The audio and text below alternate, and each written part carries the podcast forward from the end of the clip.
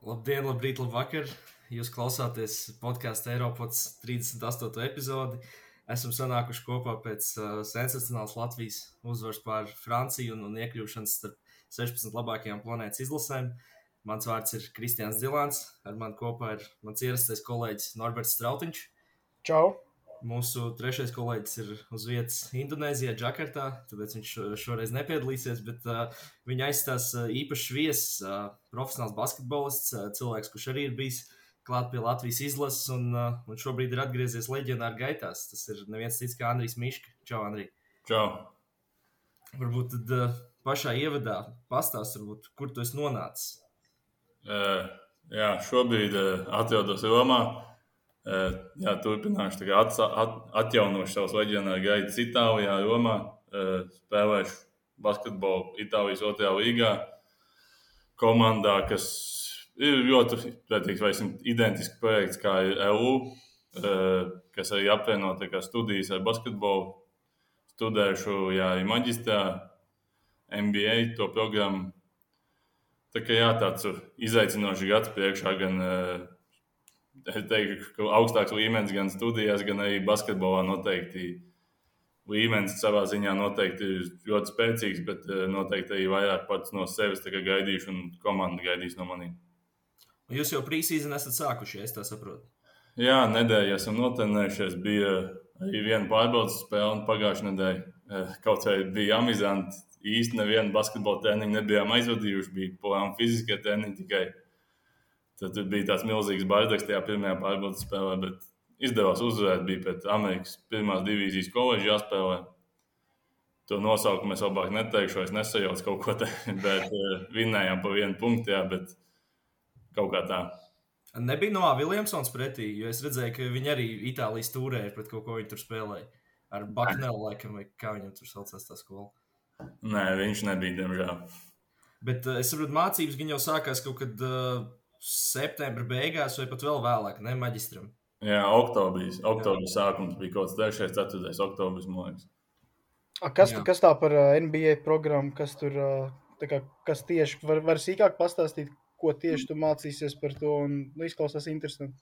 Tas ir tas biznesa masters in administration, vai kaut kas, vai masters in business administration, tā viņš tur precīzi gājā tajā saukumā, bet, nu, palielam tas tad tas pats, ko es studēju vēl, biznesa vadība, tikai tāds profesionālāks, daudz internacionālāks, viss tas tā programma un viss tas papīrs, jā, studējuši, jā, privāta augstskola, vispār šī ir tā kā, jā, par, par priekšmetiem es kaut ko zinu jau, kas būs tur ļoti līdzīgi, jā, tur vairāk tādu vadības priekšmetu, kā vadītājiem kļūt pirmajā semestrī Bet tā sīkumos vēl īsti nemāku izskaidrot, jo nekas īsti vēl par skolu nav bijis. Pagaidām tikai cenšos iedzīvoties vēl basketbolā, sadzīvē un visā pārējā. Un, starp citu, kā ir ar komandu, tu esi vienīgais leģionārs vai vēl kāds cits ir? Nav vēl sanācis papētīt to sastāvu. Uh, ir vēl viens leģionārs no īrijas. Uh, jā, no īrijas pagājušajā gadā spēlēja Islandē. Uh, 16 punktus vidēji meta. Uh, Tā kā jā, divi leģionāri atļauti, divi leģionāri mēs esam. Ir parakstīti kaut kādi trīs, četri jauni itāļi vēl, bet pārsvarā tas komandas kodols ir palicis no pagājušā gada. Bet tā, tavs CV pieļauj ir visiespaidīgākais, jo tas kodols nāk uznācis no, no trešās līgas. Nu, tas jau kā kur, kurš uz to skatās, tas CV, protams. Protams, kā abiem leģionāriem mums tas CV noteikti ir iespaidīgāks, bet uh, tas jau viss jāpierāda laukumā. Pārējie spēlētāji arī ir. Kā, cik, cik liela daļa no spēlētājiem ir līdzīga, kā tu arī studē un spēlē, vai tas kā, nesaistīti ar komandu? Ir? Ja godīgi, es biju diezgan šokēts, ka, liekas, ka no, mēs esam 16 spēlētāji šobrīd tajā kā, sastāvā. Man liekas, ka nestudē tikai viens cilvēks vai divi cilvēki. Jo viens jau ir pabeidzis studijas, un tad viens vienkārši nestudē. Vispārējie ir iekšā studijās. Jā. Bet labi, tad uh, varbūt ķeroties klāt šodienas lielākajiem notikumam. Varbūt kaut kādas pārdomas no jums gribētos dzirdēt, jo man ir godīgi. Nos, skatoties to spēli līdz, līdz pašām beigām, es biju ļoti emocionāls. Pat arī, arī kāda asara nobira beigās prieka. Uh, es tiešām, man, man pat grūti, grūti kaut kā to visu salikt kopā, kas, kas notika šovakar. Tas bija vienkārši ļoti skaisti. Un, uh, priekš manis, kā priekš cilvēku, kurš ļoti daudz seko basketbolam, tā bija tiešām viena no lielākajām uzvarām vispār Latvijas sportā. Tīri, tīri tādā, varbūt, manā, manā kaut kādā kolekcijā. Es noteikti piekrītu. Tomēr pasaules kausa vispār tas, ka mēs tur atrodamies. Nu, tā ir pirma, pirmā reize mums, un es arī visu dzīvi, ja, no kaut kāda 7, 8 gadu vecuma, kad gan sāku spēlēt, gan skatīties basīt. Esmu teikt, vienmēr fanojis par Latviju, vienmēr atbalstījis, vienmēr cerējis, ka mēs tur būsim pie top izlasēm, top turnīros. Tad sagaidīšu šo turnīru arī pirms spēles, arī visas spēles laikā. Es visu laiku domāju, ka cik lepns un priecīgs es esmu, ka es esmu Latvijas un uh, zinu šos džekus, esmu skatījies viņu spēles un atbalstu. Un, nu, tiešām ar visu sirdi jūtu līdzi, un to, ka mēs spēlējam ar Franciju kā līdzīgs ar līdzīgu uz pasaules kausa skatuves pret visiem tiem NBA un Eirolandes spēlētājiem, man vienkārši bija prieks, ka Latvija beidzot ir šādā mačā nonākusi šādā turnīrā ar šādu pretinieku, un ka mēs tiešām spēlējam un beigās vēl uzvaram. Nu, tiešām tas ir tiešām tā, es nezinu, kā lai pasaktu, bet tas, ko tu visu dzīvi gaidi, un uh, ļoti, ļoti liels prieks redzēt. Nu, jā, es piekrītu. Tā ir vienkārši fantastiski. Te jau jāņem ar to iebis vārdu, vai teikt, ko tā vai Dairis Bērtāns teikt, man liekas, pēc šīs spēles. Bet, uh, nu, es domāju, komentāri tur nav daudz. Tā ir fantastiski, jā, ka mēs atrodamies. Tā spēle, kāda bija tā spēle, es domāju, tik skatām tā spēle arī bija tik saturīga. Vai redzēt, arī, ka čaļi jā, nāca iekšā ar pārliecību, kāpājās. Daudz tādu varbūt melnie zirdziņi bija, varbūt, kas statistikā varbūt neizrādījās tik ļoti, bet bija ļoti svarīgi spēlētāji. Emocijas, protams, arī sita augstu vilni. Bija brīži, jau, kad man likās, ka tādi key momenti, varbūt, kur jau mēs to spēli pazaudējam, bišķiņi. Bet, jā, nu, vienkārši fantastiski. Es domāju, uzvarēt Franciju Jo īpaši tad, zinot to, ka viņiem tā spēle bija jāuzvar, tas nebija tā, ka mēs uzvarējām Franciju, kurā katrā spēlē. Es domāju, ka jā, nu, vienkārši fantastiski. Te nav daudz ko komentēt. Kurā, kurā brīdī varbūt jūs noticējāt uh, uzvarai? Jo es laikam teiktu, ka es kā optimistiski raudzījos jau, jau pirms spēles. Es zināju, ka, ka šai izlasē ar, ar šo treneru, šim visam kodolam, visiem tiem džekiem, kā viņi ir izgājuši cauri, es ticēju, ka tas, tas ir pa spēkam. Tas, protams, ne tuvu nebija viegls uzdevums, bet man tajā puslaika pārtraukumā man baigi uzrunāja, tā, papētot statistiku, tas, ka Francijai bija 10, 14 trīņos. Puslaikā, jā. Uh, puslaikā, jā. Labi, mēs arī nemetām baigi sliktāk. Mums bija laikam 9, 18. Uh, mums bija, mēs bijām izmetuši laikam divus sodu metienus, viņi bija metuši kaut kādus 14. Uh, Furnē bija praktiski neapstādināts. Viņš tur visu met iekšā, un ar visu to mēs turējāmies spēlē. Un tur vēl pašā puslaika beigās bija tā uh, nesavācām bumbu, un viņš uh, tika pie, pie brīvā trīņa no, no stūra. Tur bija 53, 49 laikam, tajā momentā. Kad principā mēs atnācām atpakaļ, un, ja būtu savākuši bumbu, teorijā būtu varējuši iziet puslaikā pat iespējams priekšā. Bet labi, tas ir no sērijas, kā būtu, ja tā te būtu riteņi. Jā, es, man liekas, ka bija ļoti daudz tie key momenti. Katru reizi nu, mēs visu laiku turamies tajos mīnusos, tur, piemēram, no, no mīnus 5 līdz mīnus 12 kaut kur tajās robežās. Un kā katreiz, kā mēs pievākam līdz mīnus 5, liekas, ka o, mums ir izrāviens, tūlīt atsitīsim un viss būs. Un tad notiek pretējais, mums ir mīnus 12, liekas, tā kā bļāviens. Uh, baigi, baigi grūta situācija tagad. Un, kā, katrs mēdienis, ko mēs iemetam, liekas, kā, baigi labi. Mēs to pievilksim. Katrs, ko mēs ielaižam, liekas, kā, ka bļāviens šis bija tik sāpīgi, tik svarīgi. Ja? Bet uh, nu, visu laiku tāda apmaiņa vienā virzienā, otrā, vienā, otrā. Bet, uh, nu, man tas key moments likās uh, galvenais. Nu, tas, ka mēs iesākām 4. ceturtajā pārliecīgi, pie tiem mīnus 12 sākām atsisties. Un tad, kad pie mīnus 8 Arthurs Kurts piekrampēja Nando de Colo, uh, iedeva piezīmi, varam tur diskutēt, kurš kur tur turējais krekli un tam līdzīgi. Bet uh, Arthurs, kurš ļoti gudri ir uz, uz pieredzīti, uz meistarību, paskoloja Nando de Colo, izprovocēja, saņēma grūdienu un tad rāda tiesnesim, ko es esmu, neko. Viņš pagrūda mani. Un, nu, tā kā neatbildēja, saņēma grūdienu, neatbildēja, parādīja, ka ir pagrūsts, tiesnesis arī iedeva nesportisko. Un, Dekolo uz ģērbtēm, Arthurs ar pārliecību iemet abus, bumbu arī mums. Un es domāju, tas bija ļoti svarīgs moments, jo uzbrukums arī Francijai pēc tam bez dekolo bija citādāks nekā ar viņu. Bet uh, pēc tam mēs, man liekas, neiemetām pēc tās nesportiskās.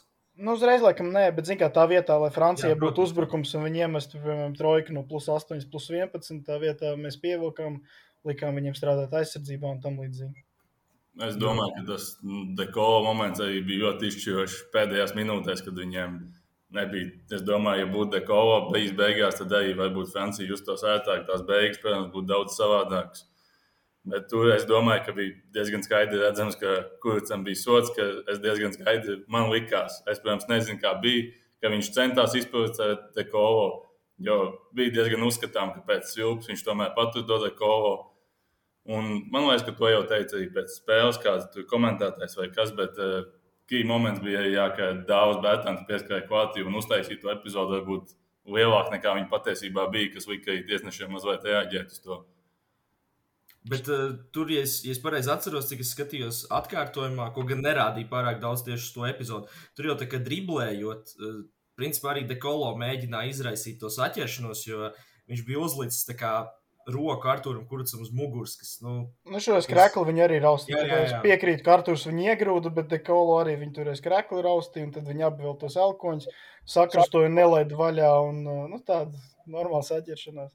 Jo man tā, tās pirmās emocijas bija laikam līdzīgas kā Andrijam, ka man arī likās, ka Arturam ir piezīme, un, ja nemaldos, tad apzināta vēl. Jā, jā, jā, jā, jā, jā un ka tad ir divi sodu metieni, un atkal ir tā vietā, lai cik tur tajā brīdī bija mīnusā. Nē, bet uh, norma nebija, norma nebija točna. Nu, ok, bet, nu, jebkurā gadījumā. Un tad uh, pēc tam man likās uh, tāda interesanta, interesants pieejams aizsardzībā no Lukas bija tas, ka principā ar, ar Dekolo mēs izslēdzām ārā vienu no galvenajiem viņu vispār veidotājiem, kurš veido kaut kādas situācijas uzbrukumā. Un tad, uh, principā, palika tikai Furnē. Okobo bija blāvs izlasē, kā, kā parasti. Bet viņi neizmanto arī trīs minūtes nospēlēt Eiropas čempionu. Viņš tik sēž soliņu, un tad atnāk Eirolīgā un atkal ir zvērs. Nu jā, un, un arī līdz ar laikam, dekolo izkrišanu, tad arī nāca laukumā pirmo reizi Kordiņē, arī Eirolandes spēlētājs. Viņam vispār, ja mēs papētītu to, kas, kas Francijai palika uz, uz soliņa, kādi vārdi, kas, kas nespēlēja vispār daudz, tad šī uzvara liekas vēl iespaidīgāka.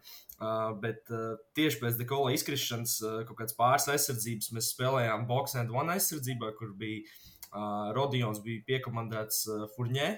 Un tad uh, tos pāris uzbrukumus vajadzēja veidot Francisko. Un, uh, tur pilnīgi nekas nesanāca. Un mēs, man liekas, arī Žagars labi pārsteigts pārvilkt pāri, ielikām pretī. Tad bija minūtes pārtraukums, tur bija tā epizode, kur Rodions palika uz grīdas.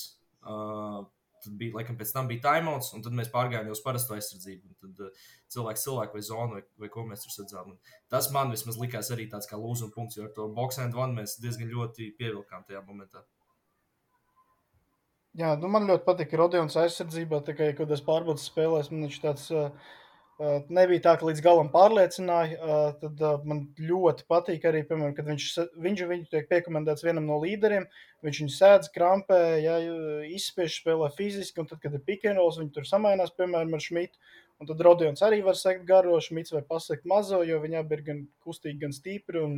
Tas, manuprāt, ir tāds labs gājiens no Lukas un diezgan labi strādā. Un, uh, Nu, jā, un arī Arthurs Kurts aizsardzībā. Vienkārši tad, kad brāļi Kurts abi divi šansē aizsardzībā, nu, nu, man bija prieks skatīties. tad, tad tas ir skaists basketbols un uh, jā, tas ir svarīgi. Bet, es citu, varbūt atgriežoties pie, pie paša spēles sākuma, kā jums likās, ko seks Nikolā Batums? Ja pirms spēles jums prasītu. Es gaidīju, ka vai nu, vai nu Rodionu vai driblētāju, nu, nedā ir Rodionu vai Žaganu. Hmm, nu, tur varianti būtu visādi. Viņam jau tie aizsargi kā netrūks tāpat, bet tā kā mums izlases vīdēs ir Šmits, bet bija jau skaidrs, ka Šmitam tad būs jābūt savu pretīnāks. Un tad, jā, visticamāk, atliek jau, ka es domāju, ka lielais spējā, ka viņš pat būtu arī saspēlnē kādas edzes. Bet... Jo, jo to viņi diezgan daudz izmantoja pārbaudas spēlē. Es atceros, ka skatījos tās pret Lietuvu. Viņš ar tām savām garajām rokām ļoti daudz gan piespēles aizskāra, gan nu, vispār viņš tiešām diezgan labs aizsardzības spēlētājs. Viņš ļoti apgrūtina tam maziem to dzīvi, organizēt kaut ko. Un, un ņemot vērā arī to, ka nu, es gribētu domāt, ka vēl pirms šīs spēles varbūt uh, Lukam noteikti aizsarga hierarhija ir diezgan skaidra, bet varbūt tādiem līdzjutējiem no malas tas viss nebija tik skaidrs. Bet uh, šajā spēlē, laikam, Arthurs Žagars uh, visu saliek pa plauktiņiem. Jā. Ne, nebija arī tāds, varbūt, deja vu no, labi, toreiz gan tu pats biji laukumā, bet no 18. gada spēles pret uh, Krieviju Nu, kaut kas tam līdzīgs bija no tiem laikiem, jā, kad, bet uh, Žagars jau to, ka viņam ir talants un to, ka viņš spēja uzbrukumā darīt pa lielam fantastiskas lietas, to jau mēs visi, man liekas, zinām jau Tas nekad nav viņam bijis jautājums un problēmas, domāju. Bet, jā, Dežavu mazliet bija gan no Krievijas, gan no visā tā čempionāta, to, kā viņš ne tikai to realizēja to metienu, bet kā viņš uzņēmās varbūt to līderu lomu pilnīgi ar to bumbu un gāja cauri veidoja epizodes un beigās met metienus. Un, kaut, kaut, kaut kas tāds, jā, varbūt arī ir tas, kas jā, varbūt pietrūka Latvijas izlasē pirms tam, kāds, kas ir gatavs varbūt, uzņemties un reāli iemest tos metienus. Nu, viņš arī tā kā tiešām es arī arēnā skatījos, sēdējām ar tēti blakām, skatījāmies spēli. Es vienkārši dažos mirkļos pagriezos pret tēti un es teicu, ka tas žagars ir tik ļoti ātrs. Tā kā tagad viņš uzņem to ātrumu, nu šausmas. Man liekas, ka viņš jebkuram var paiet garām. Tagad arī vienalga, Lesords, Batūms, tie krosīši, džēbi.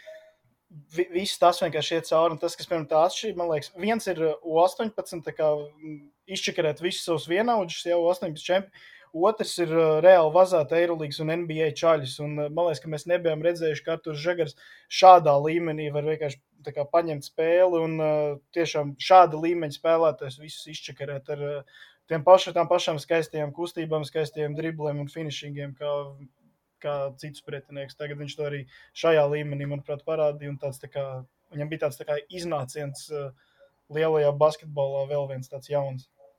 Tad jūs domājat, ka tagad uh, Viņš, principā, nu, labi, tas bija skaidrs, ka viņš bez darba nepaliks, bet uh, vai jūs, protams, viņš krietni pacēla savas akcijas ar šo spēli, vai varbūt netik ļoti? Es domāju, ka noteikti, jā. Nu, es domāju, ka savas akcijas viņš pacēla, bet uh, es domāju, ka komandas joprojām tādā lielā, skatoties sezonas nu, griezumā, viņi varbūt nezinu, vai ir gatavi viņu ņemt kā varbūt pirmās atspēles vadītāju dēļ tām traumām. Varbūt es domāju, tas ir arī tāds galvenais iemesls, kāpēc viņam līdz šim nav bijis tas līgums. Bet es domāju, tagad viņš noteikti deva iemeslu komandām. Ne, es jau negribu teikt, izskaidroju, es negribu, negribu teikt, ka viņš tur tagad savainosies vai kas, vai kas viņam netic, bet viņam vienkārši tā pagātne ir kāda ir. E, bet jā, es domāju, ka akcijas viņš pacēla. Un tagad, kā otrais saspēles vadītājs, es domāju, viņš daudzās komandās domāju, ļoti aktuāls un interesants. Nē, nē, es, es domāju, ir, tu domā, Eirolandes līmeņa komandas vai kā, nu, kāda līmeņa komandās, kā otrais sasprāts? Nu, nu, protams, daudz kas atkarīgs no tā, kā viņš aizvadīs pārējo čempionātu, bet es domāju, ka Eiropas komandas noteikti arī kādām Eirolandes komandām, varbūt, kas ir tādas uz jauniem spēlētājiem, vairāk tendētas. Es domāju, arī vērts skatīties viņu virzienā. Nu, pagā, Pagājušā sezonā taču Parīzē un Daruša Fakta jau kādu brīdi rindā stāvēja pēc viņa. Bet, nu, Labi, viņš palika ņēvežī, bet okay, tas cits tās. Bet, eh, jā, varbūt eh, īstenībā varbūt no manas puses nebūtu pareizi pacēla akcijas, jo tas akcijas jau viņam vienmēr bijušas augstas. Viņš varbūt atgādināja par sevi drīzāk, tā būtu labāk teikt. Nē. Tāpēc arī prasīt īri to, to traumu sakarā, jo, protams, novēlu tikai veselību vienkārši. Jā, gribās, lai viņš spēlē pēc, pēc iespējas augstākā līmenī, jo viņam tiešām, nu, es domāju, visi redz, ka, ka viņam ir iekšā, un tas tiešām ir principā tāds uh, Latvijas Tonijs Pārkers. Uh, Bet, bet uh, cita, cita lieta, es gribu vēl par pa žagaru. Kā, uh, manuprāt, tas pirmais iznāciens viņam, piemēram, nebija nemaz tik labs. Uh, viņš tur kaut ko tādu kļūdas uztaisīja, vēl kaut ko. Un, uh, viņš tā kā no otrā uznāciena savā laukumā sāka ieslēdz to savu spēli, apgriezienus, sāka mest iekšā. Labi, piespēlēs gan viņš jau pirmajā izdalīja dažas, bet tā, ka nu, nebija uzreiz, tas bija tā pamazām, pamazām, tajā otrajā ceļā viņš sāka. Bet par ko es biju nenormāli pārsteigts, ka uh, no spēles pirmās minūtes, spēles pirmās piecas minūtes, viņš bija tas, kurš bija piekuriģēts Evanam Forņē sekt. Un, nu, es biju pārsteigts, jo, manuprāt, Forņē uzbrukuma līderis, pirmā opcija. Numur viens cilvēks, ko meklēs Francija uzbrukumā, arī pēc auguma parametriem ir lielāks nekā Žagars. Es par to biju pārsteigts par šādu matčup sadalījumu, ka ne Dairis, ne Rodions nav uz Evana, bet tieši Žagars. Jums nebija kaut kāds pārsteigums tajā mirklī? Man noteikti bija pārsteigums. Es arī skatījos uz to, bija šokēts. Kaut kur jau bija dzirdēts jā, informācija, ka Rodions seks dekoho, jau tas jau bija zināms. Uh, bet, jā, tas, ka, bet, ja, tu, ja tu paskaties atkal, kas seks cits pārējos cilvēkus, tad diezgan loģiski sanāk, ka Žagers sēdz Foņē, jo Dairis tomēr jau... Nu, Batūms laikam bija trešais un Žagers jā, mazliet. Tad Žagaram pret Batūmu tur vēl sarežģītāks cīņas, jo Batūms arī spēlē tomēr Lopos tā pietiekami daudz, daudz spēlē uz rebounding. Tā kā es domāju, ka tas beigās jā, tikai, ja, ja, ja tika tas lēmums vairāk tika bāzēties uz dekolo, uz to, uz, uz to uzbrukumu veidošanu, tad diezgan loģiski. Jā.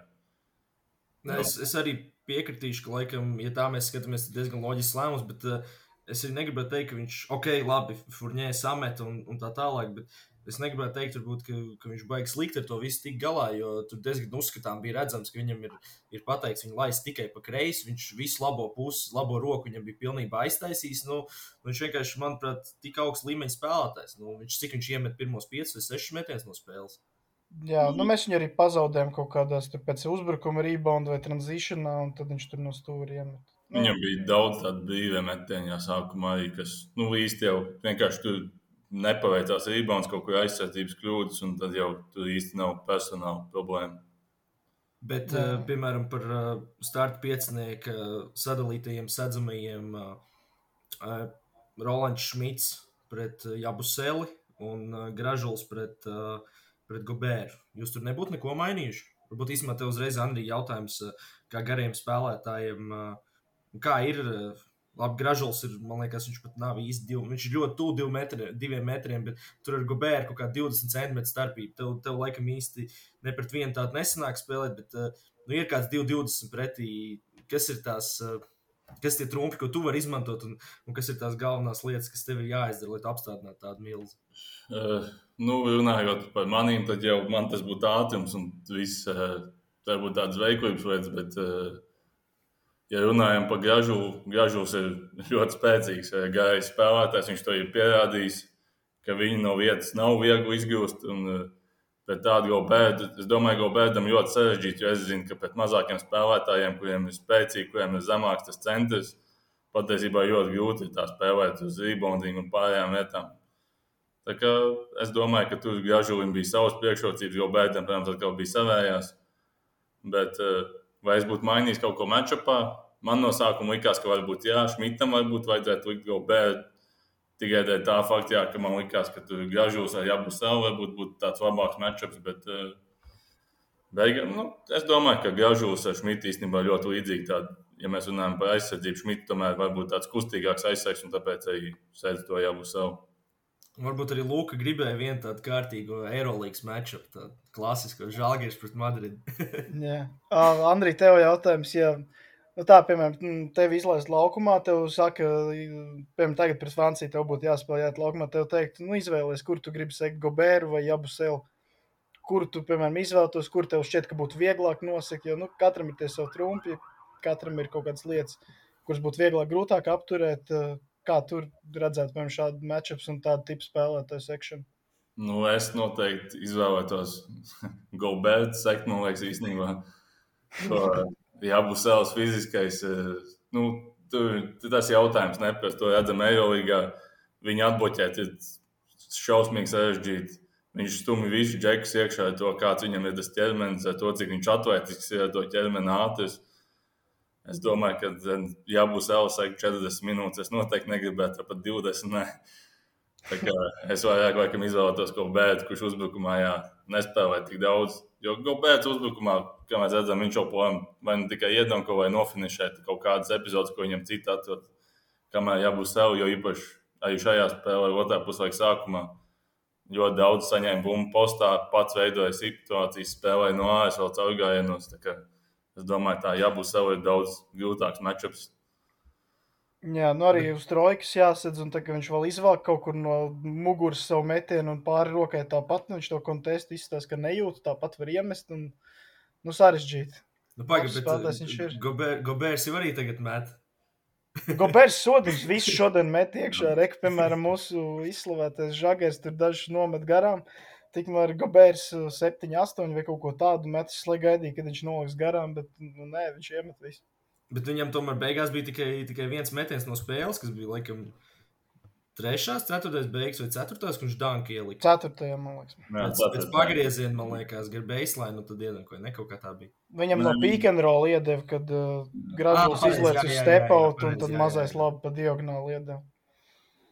Bet viņam jau raksturīgi izlasē bijis, ka viņš nekad nav baigi punktus metis. Un tik cik viņš ir, ja sēdz flatu, tad viņš tur izpaužās ar saviem melniem dankiem. Bet, uh, Tāpat ja mēs Olimpijādā, es atceros, pagājušajā gadā skatījos, nu viņš tur uz reboundingu un aizsardzībā. Kur viņš, protams, ir, viņš ir milzīgi problēma, ja tev jāmet viņam pāri, bet uzbrukumā viņš izlasēs, jo īpaši nekad nav bijis baigi izmantots. Valpostā viņš viņam nedod spēlēt. Tāda nav, jā. uh, viņš tik un tā, man liekas, diezgan daudz mēģināja ieņemt to vietu postā. Un, un es gribētu teikt arī, ka viņš to darīja, manuprāt, diezgan netīri. Vai, vai jūs, prāt, nebija tā, ka tie tiesneši būtu ik pa laikam nedaudz par daudz respektēt tos Francijas uzvārdus un to, cik viņiem šī spēle bija svarīga. Mums tomēr bija teorētiski vēl viena dzīvība kabatā. Nu, varbūt man, piemēram, pirmās 30, 35 minūtes likās, ka labi, tur ik pa laikam abos virzienos kaut kas interesants uh, tiek nosūtīts. Bet nu, bija kaut kā tāda sajūta, ka tādas 50-50 epizodes vairāk tiek dotas Francijai pa labu. Ja, un, Tad, kad, piemēram, Žagars iemet Endvanu vai Kuruts, kad uh, dabūja bumbu un viņam ielēc kājās, tas vilps arī bija ar divu sekundžu nokavēšanos, tāds tā kā negribīgi nosvilpts, un tas jau arī sāk ticēt visam tam sazvērstības teorijām, ka FIBA vajag, lai lielās valsts tiek nākamajās kārtās, lai ir reitingi, lai ir skatījumi, lai Francija ir tālāk, un ka viņi tiek tā kā vilkti kaut kādā ziņā, un nu, tā likās bišķiņi, bet tad uh, nezinu, tas dekolo izraidījums un uh, pēdējā minūtē, kad Gobēram iedeva pret Šmitu. Es, es piekrītu, ka bija sots, bet zin, kā, pēdējā minūtē nevienmēr tādas svilpi. Ja? Ah, un es vēl atceros, kā Arturam Kurucam visu laiku pie maziem kontaktiem dod piezīmes arī pret Batūmu metienā. Nu, pat ja viņš tur, nezinu, ar nagu tur kaut kā knapi aizskārto elkoņu, nu, elkoņu, nu, nu, es nezinu, nu, tik vāji tāda soda, tik kā pirmās minūtes man likās, bet beigās, kad iedeva arī mums beidzot kaut ko mūsu virzienā, tam man likās, ka nu, normāli beigās. Es arī domāju, ka kopējā bildē tur tiesneši, pagodīgi, es viņus ļoti atkal pamanīju, un tā ir laba zīme, ja tu tiesneši nepamanīji.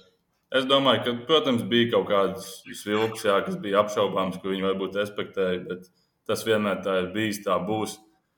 Tāpat arī tomēr respektēt dažus no mūsu čajiem, būt mums poziņas, tad mēs arī noteikti redzētu tādas vilpas uz mūsu puses. Tā kā es domāju, nebija nekas tāds ekstraordinārs. Viss bija kārtībā no tiesneša puses. Bet, uh, sapratu, jāparunā laikam arī par, uh, par abiem brāļiem Bērtāniem. Dairs, diemžēl, satraumējās, kā noprotams, tur ir kaut kas ar hamstringu. Cerams, ka viss būs kārtībā un, un, un būs jau nākamajā spēlē atpakaļ. Uh, Dāvis ienāca diezgan skaļi, es gribētu teikt. Iemet arī pāris tālos, tādus sarežģītus.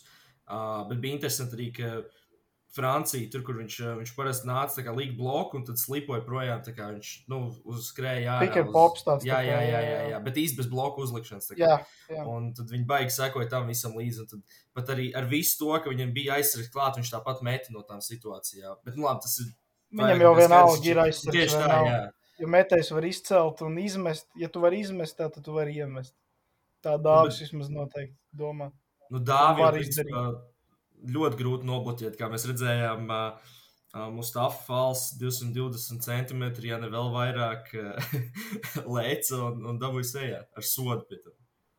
Viņš arī uz Serhiju Juļu lēca. Tā bija spēle, ko radīja atkārtojumā pa televizoru arī pirms es pieslēdzu uz Latviju, Francijai.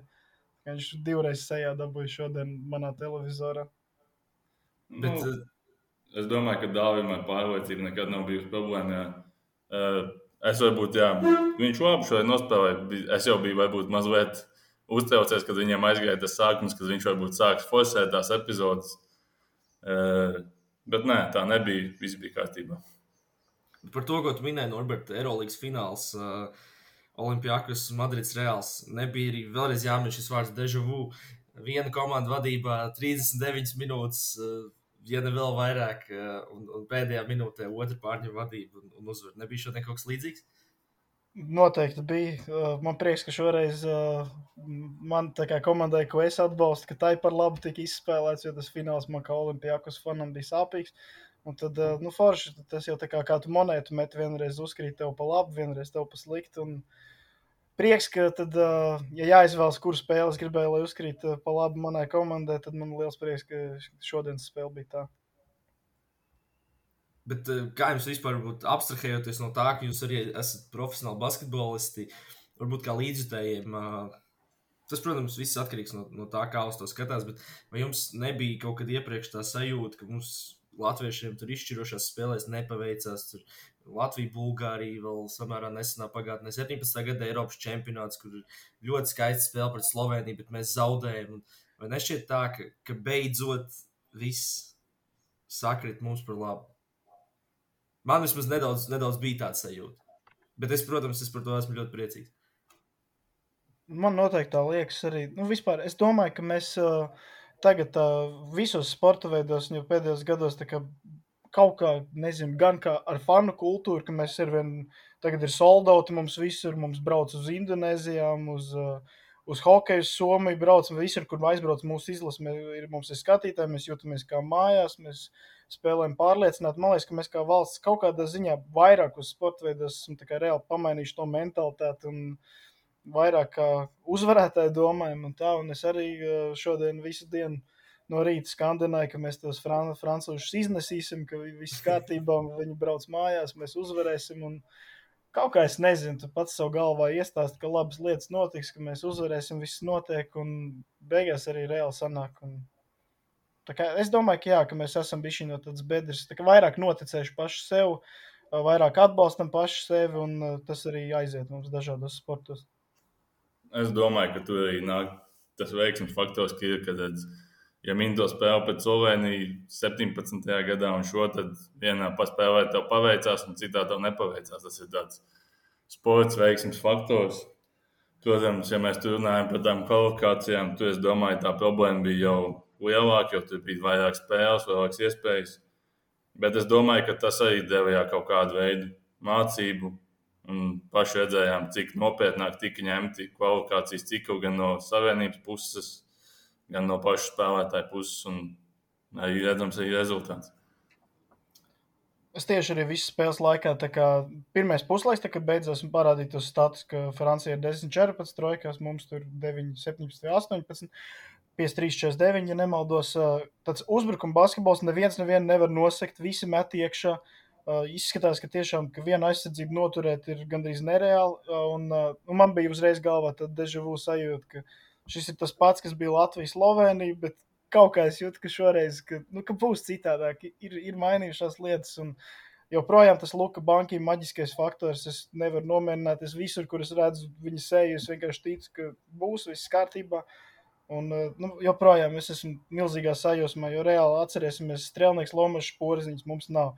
Uh, mums pat pasečnieks īsti nespēlēja traumu, vēl kaut kas. Uh, Čavars arī nebija laukumā. Mēs bez līderiem, bez centriem, ar simts problēmām, Dairis kapteinis vēl notraumēs. Ar visu to mēs vienkārši Francijas izlasi, kuriem ir īstenībā nereāli centri, Fals, Lasors, Gobērs un vēl pilns ar meistariem ārējā līnijā, ka mēs tāpat uzvaram. Tā kā, nu, es arī gribu vēl aiz treneru vienkārši uzslavēt, jo tiešām visur, kur viņš ir, manuprāt, notiek labas lietas. Un mums jābūt ļoti pateicīgiem, ka mums ir tāds treneris kā Luka Banki.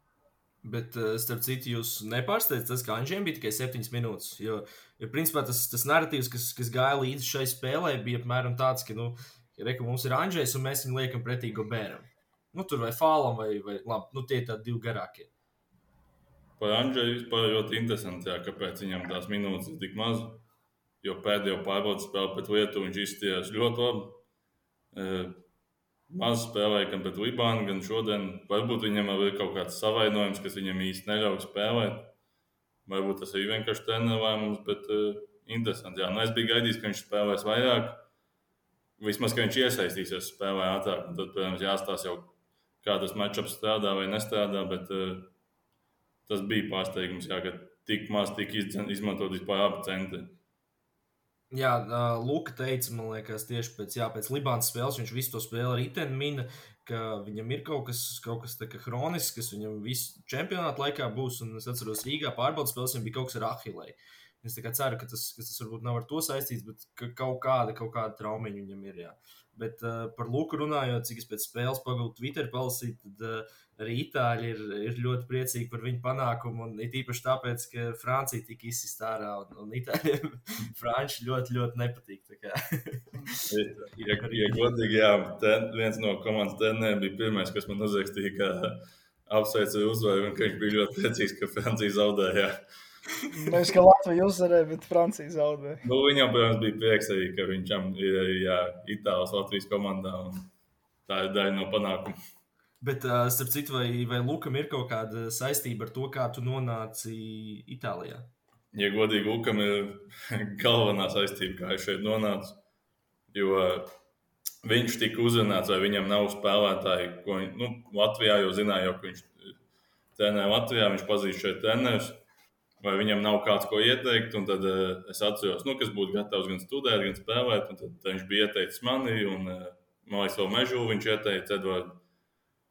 Un tad, jā, un tad klubs sazinājās ar maniem, un tālāk jau viss notika ar aģentiem UTT. Bet tas pirmais īstenībā bija pateicoties Jā, Lukam Bankī.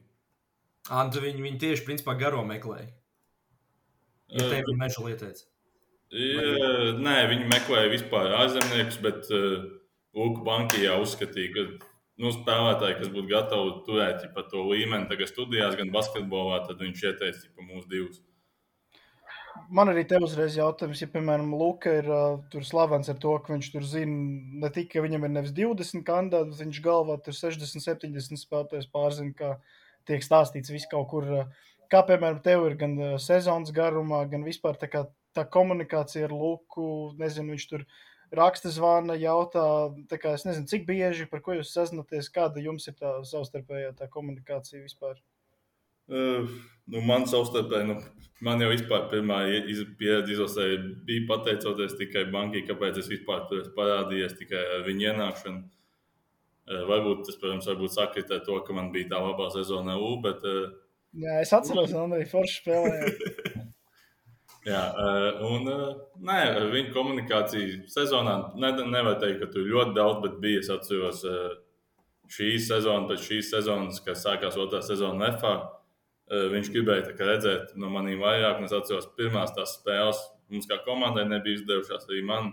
Es atceros, viņš man rakstīja pilnīgi ziņas, tā kā pilnīgi jau dusmīgs būdams un teica, ka, ķipa, ir jādara labāk, un tu vari labāk. Un, UTT. Tā kaut kāda komunikācija ir bijusi, bet, protams, tā ārpus tiem sabraukumiem, nu, tā komunikācija ar maniem nav baigta biežā, bet kaut kāda ir bijusi. Jā.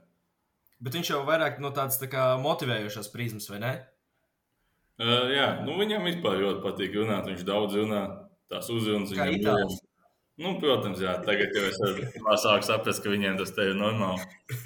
Bet viņam tās uzrunas ir jā, tādas motivējošas. Bet, uh, viņš māca arī pateikt skaļākus vārdus, un uh, varbūt tos viņš tā nesaka publiski, UTT, un uh, varbūt gluži ne tādām izvases zvaigznēm, bet es domāju, ka jā, Žagars ir dzirdējis, un kurš ceturks pietiekami skaļākus vārdus, kā varbūt tie jaunākie, kas ir izlasē šobrīd.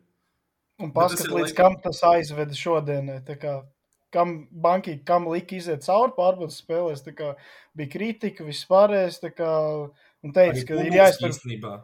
Kas tam? Arī publiska kritika bija, kas, jā. kas man vismaz pārsteidza. Jā, jā nu teica, ka kā, par Žagaru, piemēram, ka viņš mazā Lietuvas čempionā spēlē un ka, nu, ka viņam ir sev jāpierāda arī, ka ir kaut kādas lietas, ko es gribu no viņa redzēt, un ka, nu, zin kā, ir jāpavalk līmenis, jāiztur spiediens, vēl, vēl kaut ko, jo man viņš ir svarīgs, es gribu, lai viņš ir labs, vērtīgs spēlētājs pasaules kausā, un tā teikt jāiziet tam cauri. Un, Piemēram, ja viņš tur būtu auklējies, varbūt mums nebūtu tāda spēle no žagara uh, uzbrukumā, no kuras aizsardzībā viņš tā teikt.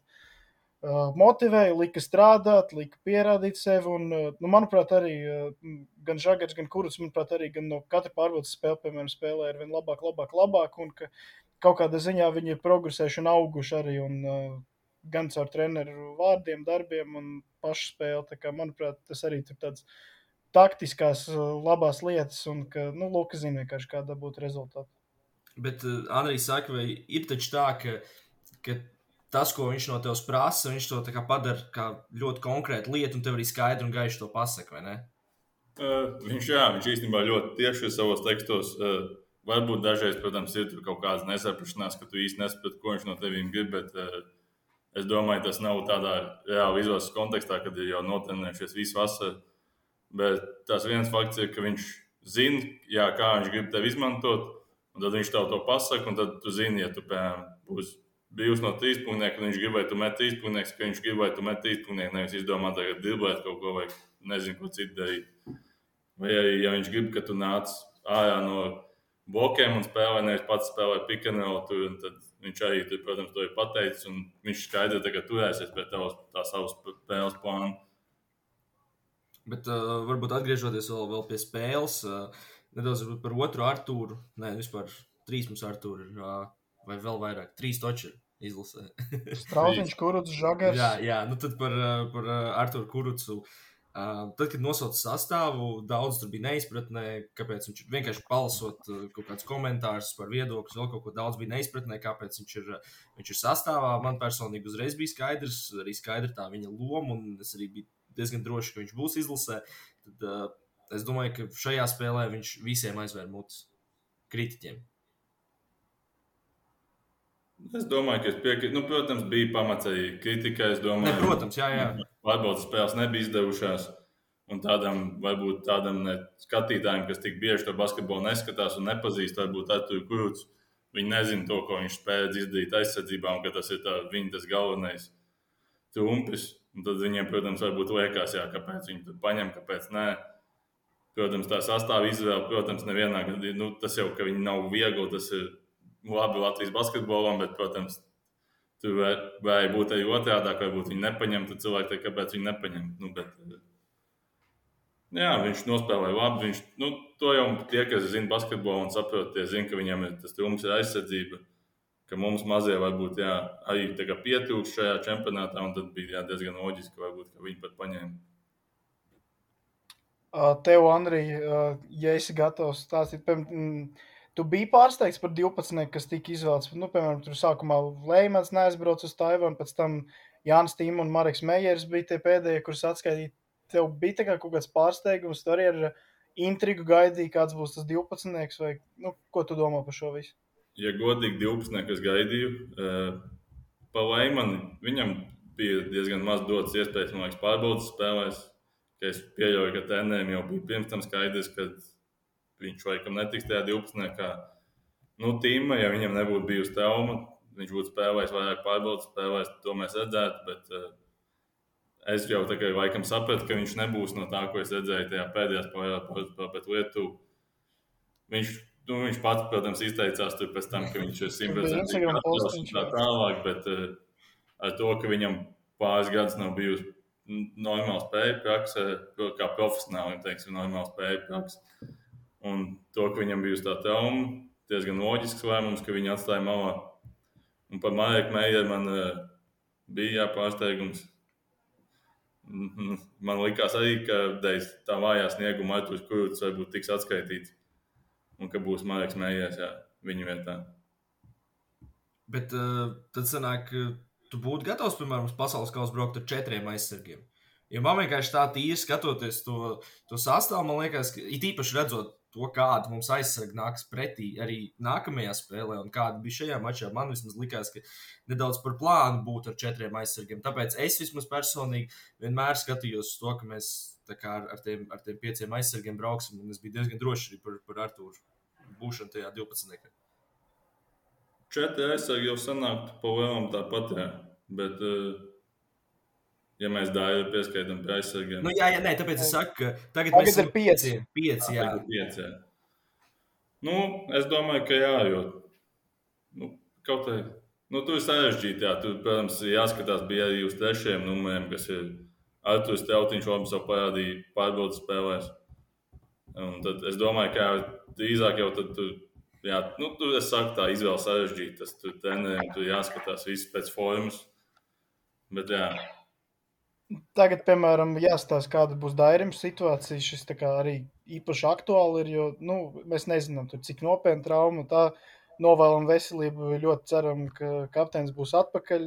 Viņš arī pirmajā spēlē parādīja, un tagad, tajās piecās minūtēs, cik daudz viņš ir dot komandai. Bet tagad tā problēma paliek vēl aktuālāka. Piemēram, ja viņš nevar būt par 100% gatavs, tad uh, mums jau ir četri. Ja ne, aizsargi, ja nebūtu Arthurs Kurts, būtu trīs. Nu, ir tas plāns, tas mazais gals. Un, eh, labi, varbūt Arthurs Trautiņš vai vēl kādu var nobīdīt uz otro pozīciju, bet, eh, nu jā, teiksim tā, tas aizsargu skaits, tas, manuprāt, ir aktuāls jautājums. Nu, es piekrītu, jā, tāpēc es domāju, ka tu, protams, to sastāvā izvēlēties savādāk, bet, eh, nu, šeit ir skaidrs, nu, tas treneris, tas zīmos ne jau tādā ziņā, ka Marijas Mējas tagad ir sliktāks spēlētājs par kādu no mazajiem spēlētājiem, vienkārši, ka Garajā galā mums spēlētāji pietiekoši rēķinam, ja nāk iekšā vēl Kristaps Poziņš, nāk apakaļ, tad vēl vienam garajam jāiet prom. Un tad atkal viss izvēle ļoti sarežģīti. Nu, maziem jau arī tādā ziņā samērā līdzīgi, jo tomēr, nu, es domāju, nu, visiem ir daudz maz skaidrs, ka, ja Lomačs un Strēlnieks būtu veseli, nu, viņi būtu spēlējuši pasaules kausā. nu, protams, tad, tad atkal nāk izvēles. Tāpēc es saku, tas jau es nebiju iekšienē. Tas ir, protams, viss jāskatās tenēm. Jau varbūt bijis pirms tam skaidrs, ko 12 spēlētāji. Cik es esmu dzirdējis, bija skaidrs jau kaut kādi pirmie 15, 14. Uh, protams, nu, tad tie 14 jau mainījās, jo noteikti viens bija poziņas iekļauts. Uh, bet, jā, nu, tenis izdarīja savu izvēli. Domāju, ka tur visi tie spēlētāji, kas bija tajā 14, ir pietiekami augstu līmeņa spēlētāji, vai viņi spēlētu Latvijas izlasē. Nu, viņi ir augstu. Nu, nezinu, ka viņi ir. Man liekas, bet nu, viņi ir pietiekami augstu līmeņa spēlētāji, lai viņi spēlētu un pārstāvētu to izlasi.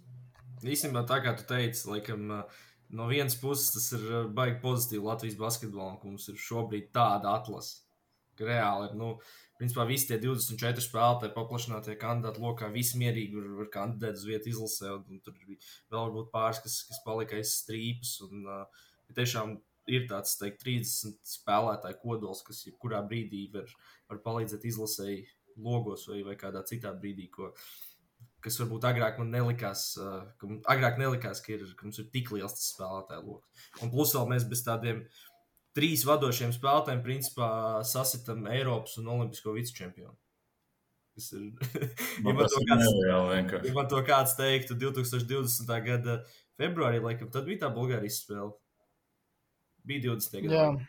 Nu, es, es neticētu, ja godīgi. Man vēl iespējams, jā, likās, tas, es tagad neatceros, vai es jau pirms ierakstu vai ierakstā pateicu, bet mēs visi trīs esam 2000. gadu, un Mēs skatījāmies, kā uz pasaules kausā pret NBA spēlētājiem, mūsu vienaudži, kurus žagars un vēl daži salīdzinoši gados jauni spēlētāji vienkārši Eirolandes un NBA komandu uzvar. Un, nu, tas tiešām ir iespējams. Jā, es arī gribēju piebilst. Es, man tu bija kopā ar abiem daudzas spēlēs.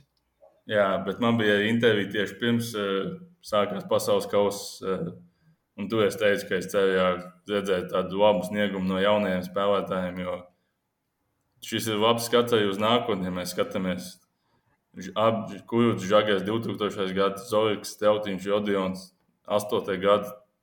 Tie ir pieci spēlētāji, kas šobrīd ir izlasē, uzvar Francijas izlasi, kas ilgus gadus vēl noteikti spēlēs izlasēs. Man liekas, ka var būt arī tas varēja būt arī mm, viens no iemesliem, ka bankieri ne tikai domāja par šo pasaules kausu, bet arī nākotnē, ka piemēram, nu, viņš saprata, ka arī visi šie jaunie nākotnē būs noderīgi un, un paņemt viņus uz čempionu, iedot viņiem to pieredzi un iespēju augt, uh, ka tas arī varētu noderēt nākotnes kontekstā. Man liekas, ka arī tas nospēlē pa labu šiem džekiem tikt sastāvā un, uh, kā redzam, viņi arī noteikti ir pelnījuši un arī labi spēlē, bet es domāju, ka tas arī varētu būt viens no kā, iemesliem. Un ir ļoti forši, ka tā ir, jo nākotnē izstāsta labi. Bet nav, nav jau tā, ka mums kopumā tā izlase būtu baigi veca. Nu... Nu, jā, es piemēram domāju, ja tur tīmu paņemtu strautiņu vietā, tā, tādā visi ziņā, raksta un tam līdzīgi. Tādā ziņā, ka tik dot priekšroku gados jaunākiem spēlētājiem. Un, jā. Bet vispār, Andrija, tev pašam ir arī bijusi pieredze uzspēlēt pasaules kausā. Tas varbūt gan nebija uh, pieaugušajiem, uh, no kurienes arī īstenībā tieši no, no tā turnīra ir, ir vairākas zvaigznes arī šajā pieaugušo pasaules kausā. Tā skaitā no Amerikas, no Lietuvas, arī, arī no Latvijas izlases, no Kanādas arī nemaldos. Nē, no, Kan no Kanādas laikam nav. nav. Berets nebija. Ja? Nē, Berets ir vecāks. Nē, 2000. man liekas, bet viņš nespēlēja. Viņš nespēlēja. Jā, jā bija tas, jā, ok. Uh, kā vispār, uh, kā vispār kādas sajūtas ir, uh, tad, kad tu uzvelc mugurā to Latvijas krēklu un, un uzspēlē pret, pret tādām, varbūt ne gluži Eiropas komandām, kas ir, uh, nu, kas tomēr gadās tur jaunatnes čempionātos Eiropas un tā tālāk, bet pret, pret pasaules komandām reāli, pret, pret citiem kontinentiem, kas jums tur bija, jums bija Amerika pretī tajā turnīrā. Uh, nebija tā pati Austrālija, Austrālija bija pārbaudas spēles. Laikam, Argentīna. Mums pat tur sanāca, godīgi, jā, visi, visi kontinenti, kas bija, bija pārbaudas spēles pret Ķīnu. Ja nemaldos, mums pat bija arī spēle pret Ķīnu turnīrā. Jā. Bija Austrālija, bija Amerika, bija Kanāda. Bija, kas vēl bija? Bija Argentīna, jā, pēdējā spēle. Bija Malī, būtiski no. bija viss kaut kas. Bet nu, mums tas, protams, likām diezgan liels cerības uz to turnīru. Žēl, ka Arthurs Žagars netika uz to turnīru. Es domāju, arī tā komanda būtu bijusi atkal savādāka. Bet, jā, Protams, tajā reizē pārsteidza Malī, bet viņi pārsteidza, es domāju, visu pasauli toreiz, ka viņi palika otrajā vietā. Bet, nu, jā, tas fiziskais pārspēks un vispār pārspēks spēlējot pret Ameriku laikam ir jā, kaut kas tāds, ko es neaizmirsīšu. Un tik, tik bezpalīdzīgs un tik bezcerīgs spēle, laikam es nekad mūžā neesmu aizvadījis pat tuvu, man liekas. Jo es atceros, jo es atceros bija epizodes, jā, ka mums jau tur bija mīnus 20 jau pirmajā puslaikā. Kaut kas pazaudēja bumbu, es tā kā skrienu apakaļ. Es redzu, ka uzmet to bumbu pret vairogu, un es jau zinu, ka es nevaru. Es vienkārši pagriežu galvu, tur vajag Tur vajag trīs amerikāņu pēc tās bumbas, un viņi tur kopā to bumbu pa trījiem. Ka tu pat nesaproti, kuram tad punkti jāskaita, bet nu, tur bija. Tur bija jā. Es, eh, starp citu, redzēju, izgriezu no Paula Čorģa podkāstu. Pie viņa bija Tērijs Haliburtons. Un, eh, un viņš teica, ka tā U-19 Amerikas izlase esot bijusi viena no visu laiku talantīgākajām viņa prāt. Jo tur, ja nemaldos, no tās komandas šobrīd draftēta ir 11 no 12 džekiem. Un, un 12. džeks joprojām vienkārši NCAA spēlē, kas nu, arī, arī nav zems līmenis. Un tur nav jau arī tā, ka tie džeki ir vienkārši draftēti. Tur uh, daļa ir burtiski superzvaigznes šobrīd. Atgādiniet, kur Jāmīši bija tajā U-19 izlasē. Uh, Haliburtons bija, bija Jēlens Saks, man liekas, bija uh, Jēlens Grīns. Ba Bāns bija. Ah, jā, no, no Raptoriem. Bija tas tā Grīns bija. Evans Moblijs arī, man liekas, bija. Mobuļs, man liekas, nebija. Bet varbūt arī bija. Jo es, es to visu 12. neatceros, bet es atceros, jā, ka bija. Es atceros, vislielākais šoks man joprojām par to bērnu, jo tad viņš bija tāds tīrs enerģijas spēlētājs, likās, tajā Amerikas izlasē. Tur, kā viņš spēlē šobrīd, tas jā, nav salīdzināms. Bet nu, tu, tur, jā, ja, ja tagad tā paskatās, arī varbūt neatceros visus tos astāvus sitienus. Nu, tie džeki tiešām ir superzvaigznes. Tas pats Haliburtons ir uh, tagad arī, arī pasaules kausā. Uh, Kols Antonius arī nebija, jo viņš ir vecāks.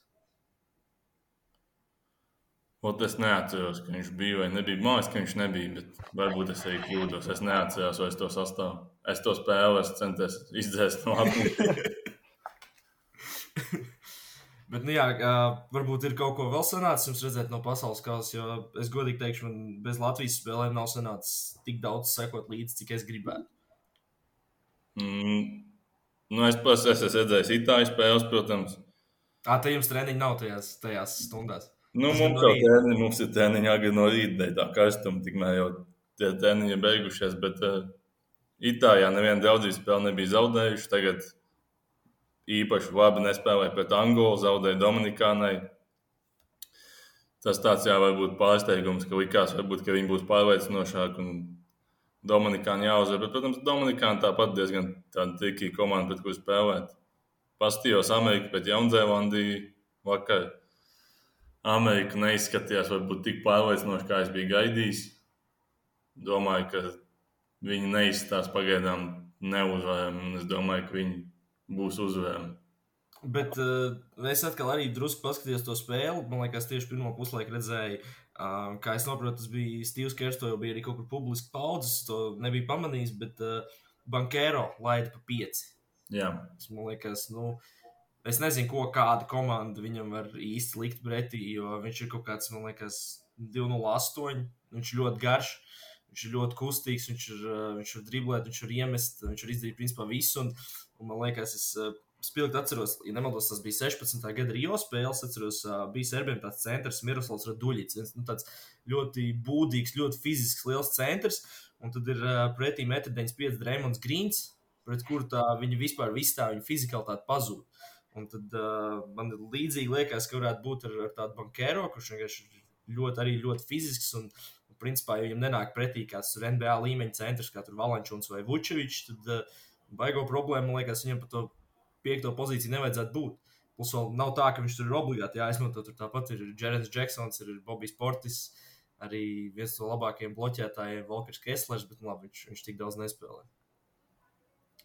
Kā jums varbūt liekas par, par to, ja, ja tāds bankēro laiž pa pieci, un viņi var uzlikt vienkārši piecus divmetrnieks laukumā?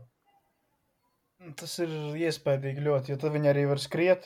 Tas, ko Amerika darīja, tas, ko Kanāda ir parādījusi, ka viņiem arī patīk skriet. Tas tāds, nu, nezinu, tas Ziemeļamerikas komandas, viņi vienkārši ātri skrien, daudz punktus gūst tranzīšanā, un ja tev piektais ir piemēram, tas pats bankēro, viņš ir atletisks, spēcīgs, un ja tev nav tāds dominējošs postap spēlētājs pretī, tad tu tīri normāli vari aizsardzībā tikt galā, un uh, tu vari to izmantot kā priekšrocību.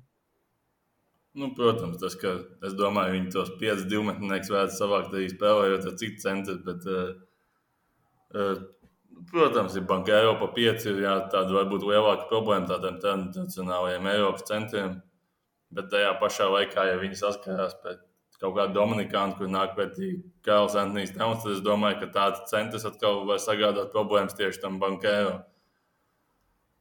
Bet uh, man nepārliecināja tieši tās, jā, tās lēmumu izvēles, kas viņiem bija laukumā. Ļoti daudz bija kļūdas, tādas varbūt pat nepiespiestas kļūdas, kur iet cauri, tagad dot piespēlē ārā, bet tā bumba pilnīgi kaut kur autā izvuda un ieskrien daudz ķermeņos. Bet tas, protams, Amerikām ir bijis tipiski tām komandām pirmajās spēlēs, tie lēmumi, ka nav. Viņi noteikti nav pieraduši pie tā, ka stāv aizsargs vienmēr trīs sekundēs, kur ir kādā tur ieskrīt. Un tas, es domāju, ka ar laiku, es domāju, arī tā būs viena no izlasēm, kas pasaules čempionu laikā noteikti paliks labāk. Varbūt, ka viņi arī pagaidām vēl tā kā izklaidējas un uh, iesildās un neuzņem pilnas apgrieziens. Piemēram, tas pats Antonius Edvards, kurš dažas dienas pirms turnīra teica, ka viņš vispār nezina, kādas kā, komandas ir grupā, kas viņam pretiniekos ir, ka viņam viena alga. Nu, viņš nav tur baigi pētījis, ka viņš vienkārši zina, ka viņi ies un iet pēc uzvarām un viss, un kāda starpība, kas pretī. Es domāju, ka tas nemaz viņam nemainīsies. Viņš ir, man liekas, tas ir tāds spēlētājs, kāds viņš vienkārši ir. Mm. Viņš ir, tad, kad viņi nodraftēja, kurš viņš bija, kurš piks viņš bija? Viens, pat Nu, viens no pirmajiem. Pirmais vai top 3 kaut kas no jā, jā. Viņš bija. Jā, jā. Jo, jo viņam bija tā, tā pēcdrafta intervija kaut kāda, un, un viņš ir apmēram pateicis tādu frāzi, ka nu, man jau tas basketbols nemaz tik ļoti nepatīk. Nu, viņš vienkārši tā kā labi spēlē. Viņš teica, ka viņam kaut kāds cits sports veids vairāk patīk. Jā, kaut kāds beisbols vai kaut kas tamlīdzīgs. Ka tur var tur celebrētot, vēl kaut ko ārdīties, un ka basketbols tikai tev iegrožo, ka tur kā cilvēkam jāuzdod, tu nevar ārdīties. Bet man patīk, vēl es redzēju, uh, Instagramā bija video no praktikas, Amerikas izlasē, un uh, Edvards iet uz groza, atspērās. Tur apakšā Jērens Džeksons juniors. Ja? Un, uh, viņš tā kā paiet malā, pieņem biznesa lēmumu, Edvards iesprāž un tad kā, jautā, kā, ko tu neliec. Tu nebija gada NBA labākais aizsargs, tā kā lec nākamreiz nerausties. Un, nu, tā, tā kā pavāks uz obu savu komandas biedru arī. Bet, uh, runājot par, par citām spēlēm, jūs uh, redzējāt uh, Jordāniju pret, uh, pret Grieķiju to, to video, kas bija sagriezts no Rondeja Hollis Jeffersona. Viņš, viņš izskatās pēc kobas, reāli viens pret vienu. Un tur vēl bija, bija redzējis, cilvēki bija uztaisījuši kā, uh, spoguļu attēlā to video, lai izstāsta, viņš ar labo roku met. Un tiešām, nu, praktiski nevarēja pateikt, vai tas ir, vai tas ir Kobe vai Rondes Hollis Jeffersons. Viņam bija 24. numurs, viņam bija uh, matu uz nulīti, viņam bija tā, tās viedrenes rokas. Viņš vēl mēta tādas uh, atlēcienā pustālos. Nu, tiešām viss izskatījās vienkārši pēc Kobas. To bija diezgan patīkami redzēt. Man kā lielam Kobas cienītājam. Tas bija tāds interesants moments, ja es nekad mūžā neiedomājos, ka Hovis Jeffersons varētu iztīties pēc Kobas. Viņš vēl kaut kur drusku pazudis. Bija, man liekas, viņš kaut kur no NBA skatos, viņš ir, ir, ir norietējis. Viņš kaut kur, man liekas, Korejā vai kaut kādās Āzijas līgās viņš spēlēja. Viņš nebija tāds. Viņš bija kaut kad tešā, man liekas, bet uh, tagad tieši pirms, pirms turnīra, man liekas, viņš kaut kur Āzijā spēlēja. Tas bija tā interesanti redzēt, kā viņš ir izmainījies un, un šādi atgriezies. Un īstenībā arī Jordānija tajā spēlē diezgan labi cīnījās pret Grieķiju. Man liekas, tikai pēdējā ceturdaļā Grieķi tur, tur aizgāja tā kārtīgi projām. Es neredzēju to spēli, tikai es nemācīšu komentēt. Bet uh, ir, ir kaut kāda varbūt uh, nepatīkama pārsteiguma jums turnīrā kopumā. Pat ja varbūt neredzējāt kaut vai tīri pēc, pēc rezultātiem no, no pirmajām spēlēm. Francija. tas jau patīkams pārsteigums. Jā, jā, bet arī tas mīnus 30 pret Kanādu, nu, tas nebija tas, ko mēs gaidījām. Jā, es domāju, Francijā ir bijis tāds liels pārsteigums šajā turnīrā līdz šim. Tāpat Somija zaudēja Japānai šodien. Ceturtajā, ceturtajā tieši, man liekas. Jā, tas arī bija tāds, nu, man liekas, cik es skatījos, tur bija pus 18, viņiem bijis pat vienā brīdī.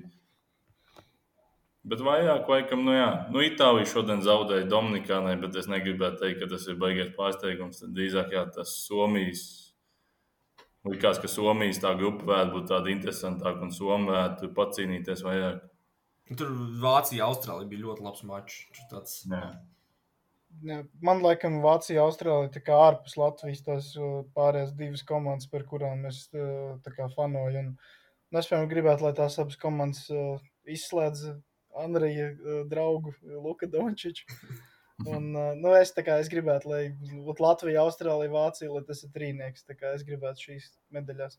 Kas jums varbūt tādas favorīti izlases tā ārpus Latvijas, kuras jūs vēl skatāties, fanojat? Tā nu lēšas, labprāt, lai arī tad ceturtie, piemēram.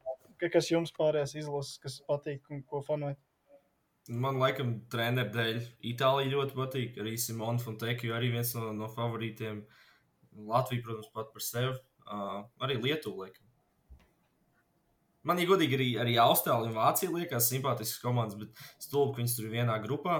Pagājušajā gadā Eiropā basketā ļoti patika uh, Vācija, un tad iepriekšējos pasaules kausos vienmēr ir patikusi Austrālija. Un, uh, un es pateikšu tādu varbūt ļoti skaļu uh, teiku, bet uh, reāli FIBA, FIBA pētīs Mills pēc FIBA noteikumiem. Viņš ir top 5 spēlētājs pasaulē. Tas, tas kā viņš spēja vienkārši to bumbu dabūt grozā, tas tiešām iespaidīgi. Šodien arī, arī es redzu, skatījos pirmo puslaiku. Tur Vācija diezgan labi iesāka spēli. Viņiem tur kaut kas plus desmit bija. Un pētījis, principā, vienotnē atvilka atpakaļ. Viņš pārgāja pāri un, un principā, no logo meta. Tur Edgars Buļs diezgan normāli uzsprāga komentētāju kabinītē. to bija interesanti redzēt. Nu, man favorīta arī jā, Vācija. No pagājušā jau basketā, kā viņi spēlē. Viņiem tas sastāvs tāds savādāks, tas spēles manija ļoti tāda. Nu, viņi spēlē tādu labu basketbolu. Nu, bez viņiem, nu, laikam tāds, ka visiem nepatīk, tad man ir tā, tā, tā Slovenija un tas Luka Dončičs. Bišķiņas viņa tomēr atbilst, jo es zinu, ka lielākajai publikas daļai viņš nepatīk. Ļoti daudziem viņš nepatīk, bet eh, bet tā vajag īsti teikt, ka nav. Bet tev, kā, tev Dončičs, arī, nu, nezinu, patīk, ir bijusi tur saskarsme Madridē un tā, un tā kā, tu joprojām tā kā seko līdzi fano par viņu, nu, tā kā tu esi vairāk viņa fans, nevis heiteris, kā liela daļa, piemēram, vai ne?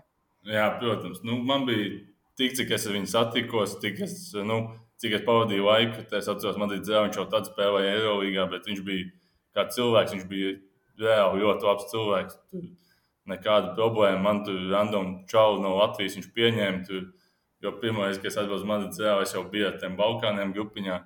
Pieņēma, jokojās, tur es atceros, uzsaucu tur vakariņas. Man pilnīgi tur kaut kā es viņu pat īsti tā nepazinu. Neko. Un tad varbūt jā, man tas, tas, ka visi tik ļoti viņu heito, kaut vai viņš tāpat aiziet ar ielikt 7, 8, 6 vienkārši. Un tad viss kaut ko tur runā par to lieko svāru, kaut ko. Nu, ja viņš aiziet profesionāli, ieliktīs 7, 8, 6. Nu, es nezinu, ko daudz var pateikt. jā, jā. Nu, man ir divas lietas, ko es varu vienkārši pateikt. Piemēram, es, es kaini saprotu abas divas puses. Man uh, nepatīk, kad viņš ļoti čīks par pārkāpumiem un kad viņš saško aizsardzībā dažreiz.